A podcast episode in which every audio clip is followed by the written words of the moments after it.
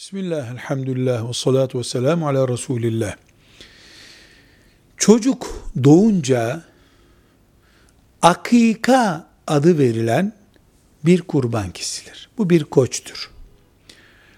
İnek hissesine girilerek de kesilebilir ve kurban bayramında kesilen hayvan gibi oturulup evde yenir, buzdolabına konur, adak gibi dağıtılması gerekmez. Çocuk doğunca bunun dışında kesilmesi Allah'ın emri olan bir kurban çeşidi yoktur. Ancak anne veya baba doğum sağlam olursa, çocuğum arızasız doğarsa, hastaneden iki gün içinde çıkabilirsem bir kurban keseceğim diye bir adak yaparsa bu bir adaktır. O zaman adak şart yapıldığı için, adak yapıldığı için kurban kesilmesi gerekir.